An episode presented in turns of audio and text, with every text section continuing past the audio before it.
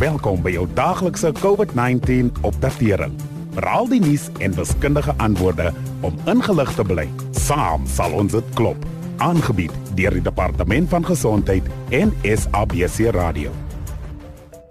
Maandag was die eerste keer in byna 4 maande dat ons minder as 1000 nuwe COVID-19 infeksies aangeteken het, asook minder as 100 sterfgevalle op dieselfde dag.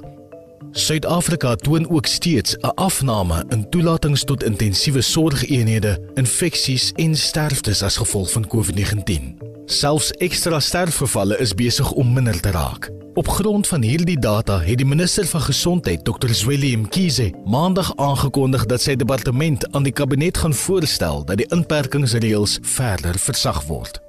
Gister het president Cyril Ramaphosa verskeie vergaderings op hoë vlak gehou om die moontlike versagting van die reëls as ook 'n skuif na inperkingsvlak 1 te bespreek. Hoewel al die aanduidings goed is en daar nie vroeë tekens van 'n tweede vlaag infeksies in die land merkbaar is nie, bly dit nodig dat ons versigtig moet wees. Watter besluit ook al geneem word ten opsigte van 'n oorgang na vlak 1, Dit is belangrik om te beklemtoon dat daar steeds 'n risiko is dat 'n mens COVID-19 kan opdoen en versprei. Terwyl ons nog leer om met die virus saam te leef, bly nie farmaseutiese voorkomingsmaatreëls so belangrik as ooit. Omdat COVID-19 'n nuwe siekte is, is daar nog geen studies oor die langdurige impak daarvan nie. Sommige internasionale mediese kundiges is bekommerd oor die virus se potensiaal om langtermynskade aan te rig. Dit sluit in skade aan die longe en die hart, asook iemand se geestesgesondheid. Baie persone wat van die virus herstel het, het ook al herhalende COVID-19 verwante gesondheidskwessies aangemeld. Vandag gesels ons met ons gas om 'n beter begrip te kry van hoe mense wat COVID-19 gehad het, weke later steeds met voortsleepende gesondheidskwessies kan sit. As jy nog nie gereeld by ons Sikaba COVID-19 Facebook bladsy inloer nie, gaan soek dit asseblief na afloop van hierdie insetsel en maak 'n draai. Die bladsy word daagliks deur ons kundiges bygewerk sodat jy die jongste nuus, besprekingspunte en advies oor die pandemie daar kan kry. Vandag gesels ons met Dr. Liesel Visser, spesialis huisarts in die Saldanha Bay distrik en lektor aan die Universiteit van Kaapstad. Dokter, ek hoor van mense wat COVID-19 gehad het en weke later nog steeds gesondheidsprobleme het. Vertel ons asseblief meer daarvan. Ja, sekerlik. Die meeste mense herstel binne 2 weke na hulle eerste simptome, maar ons weet al 'n rukkie lank dat party mense baie langer neem om gesond te word veral bejaardes en mense met kroniese gesondheidsprobleme of diegene wat so siek was dat hulle gehospitaliseer is. Daar is ook 'n groep wat tegnies van COVID-19 herstel het. So hulle is nie meer aansteeklik nie, maar die gevolge bly sloer of hulle het voorsleepende simptome wat nou lang COVID genoem word. Hulle noem hulle self die lang afstand COVIDs. En dit sluit jong volwassenes in, sowel as mense wat nie 'n kroniese siekte het nie, wat nie in die hospitaal opgeneem is nie en net ligte simptome gehad het. Ons kan nie voorspel wie met hierdie hardnekkige gesondheidsprobleme gaan sukkel nie en daar moet nog baie meer navorsing gedoen word. Maar wêreldwyd sien ons meer pasiënte met langdurige geestelike sowel as fisiese gesondheidsprobleme na COVID-19 infeksie infeksies. Nou dit moet erg wees om te voel dat jy word net nie beter nie. Wat is 'n paar van die algemene probleme en simptome wat hierdie mense het?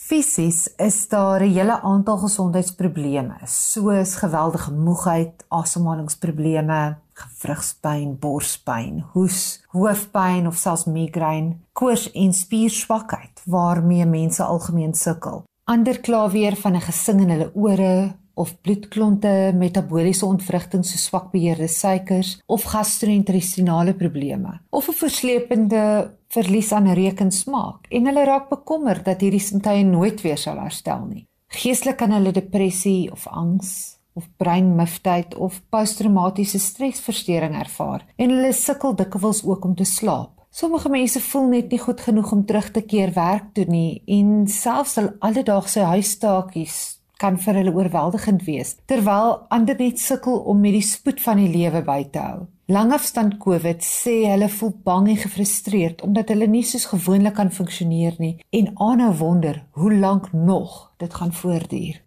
Nou behalwe vir, vir fisies, eh, sit seker ook sy tol geestelik.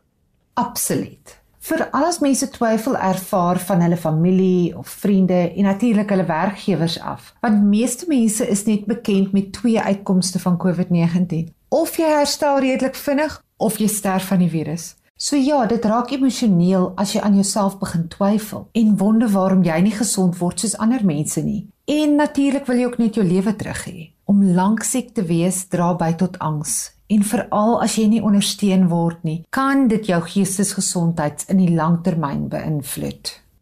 Watter ondersteuning is beskikbaar? Baie mense wend hulle tot sosiale media om hulle stories te deel en mekaar te ondersteun. En hierdie groepe word gewoonlik begin deur mense wat hulle toestand wil verstaan of heeltemal alleen voel. Daar's 'n aantal Facebook-groepe en lank COVID is die hitsteken wat gebruik word. Baie mense kry die gevoel dat gesondheidswerkers nie hulle simptome ernstig opneem nie, veral as die toetse op niks dui nie. En die simptome verskil ook so baie tussen mense wat dit moeilik maak om dit te behandel. Mense wat geraak word wil hê dat die toestand erken moet word sodat ander hulle kan glo. Meer navorsing gedoen kan word en hulle die nodige ondersteuning en behandeling kan kry om gesond te word. En wat is die langtermyn vooruitsig vir hierdie lang COVID-19?